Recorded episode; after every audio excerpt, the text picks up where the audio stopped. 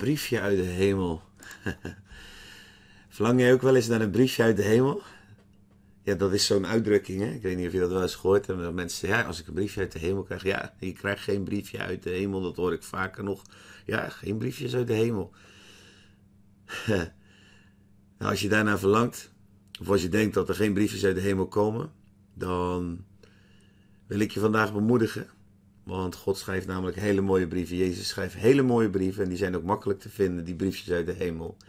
Eh, die briefjes uit de hemel waarin we zwart, wit, zwart op wit mogen weten wat Gods plannen voor ons leven is. En waarin we richting mogen ontvangen. Dus ik verbreek ook elke leugen over jou dat er geen briefjes uit de hemel zijn. En dat doe ik op grond van het woord van God. Er zijn namelijk heel veel briefjes uit de hemel en die zijn overal. In 2 Korinthe 3 vers 3 staat dit. Het is immers openbaar geworden dat u een brief van Christus bent. Door onze bediening opgesteld, geschreven niet met inkt, maar door de geest van de levende God, niet op stenen tafelen, maar op de tafelen van vlees van het hart. Het briefje uit de hemel, dat ben jij, dat ben ik. Jij bent het voor anderen en anderen zijn het weer voor jou.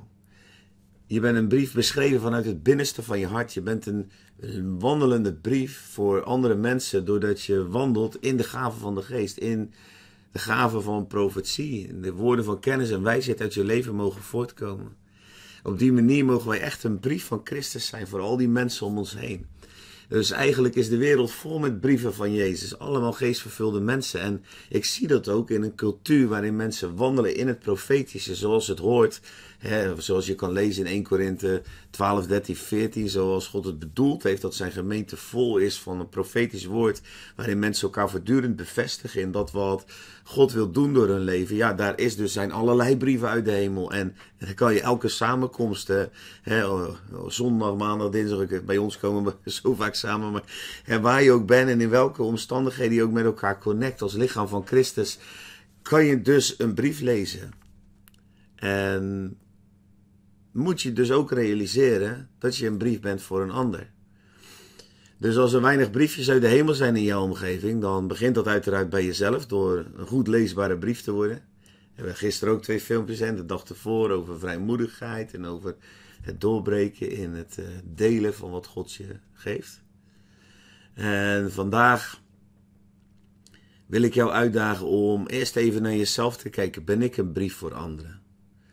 En als challenge wil ik je meegeven om gewoon een, vel papier te pakken of misschien notities van je telefoon.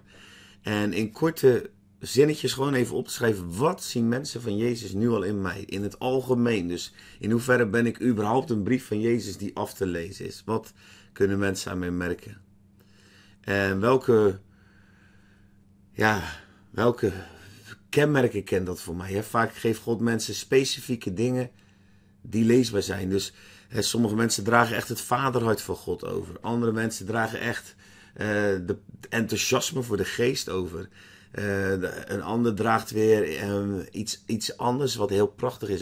De openbaring die jij draagt. De, het stukje wat God jou gegeven heeft en wat altijd te lezen is.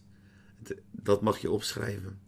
En tegelijkertijd mag je straks met mij, als je dat wil, het gebed meebidden. Dat er meer en meer woorden van kennis, wijsheid en profetie door jou heen gaan stromen naar anderen. Zodat het niet alleen algemene brieven zijn, die ook heel mooi zijn. De algemene brief waarin mensen kunnen lezen wie Jezus is als ze jou ontmoeten. Maar dat het ook heel specifiek wordt. En dat Jezus dus de woorden die de, de Vader, de Zoon en de Heilige Geest in de hemel bedenken over jouw leven. Dat, dat die woorden ook daadwerkelijk op deze aarde leesbaar worden. Dat mensen dat briefje uit de hemel krijgen. Ik ken zoveel prachtige getuigenissen van. Um, en heb je misschien ook dat soort dingen wel eens meegemaakt. Maar dat mensen dus vragen om een bevestiging. Dat ze precies die dag die bevestiging krijgen. Omdat mensen dus wandelen door de Heilige Geest. En die leesbare brief zijn.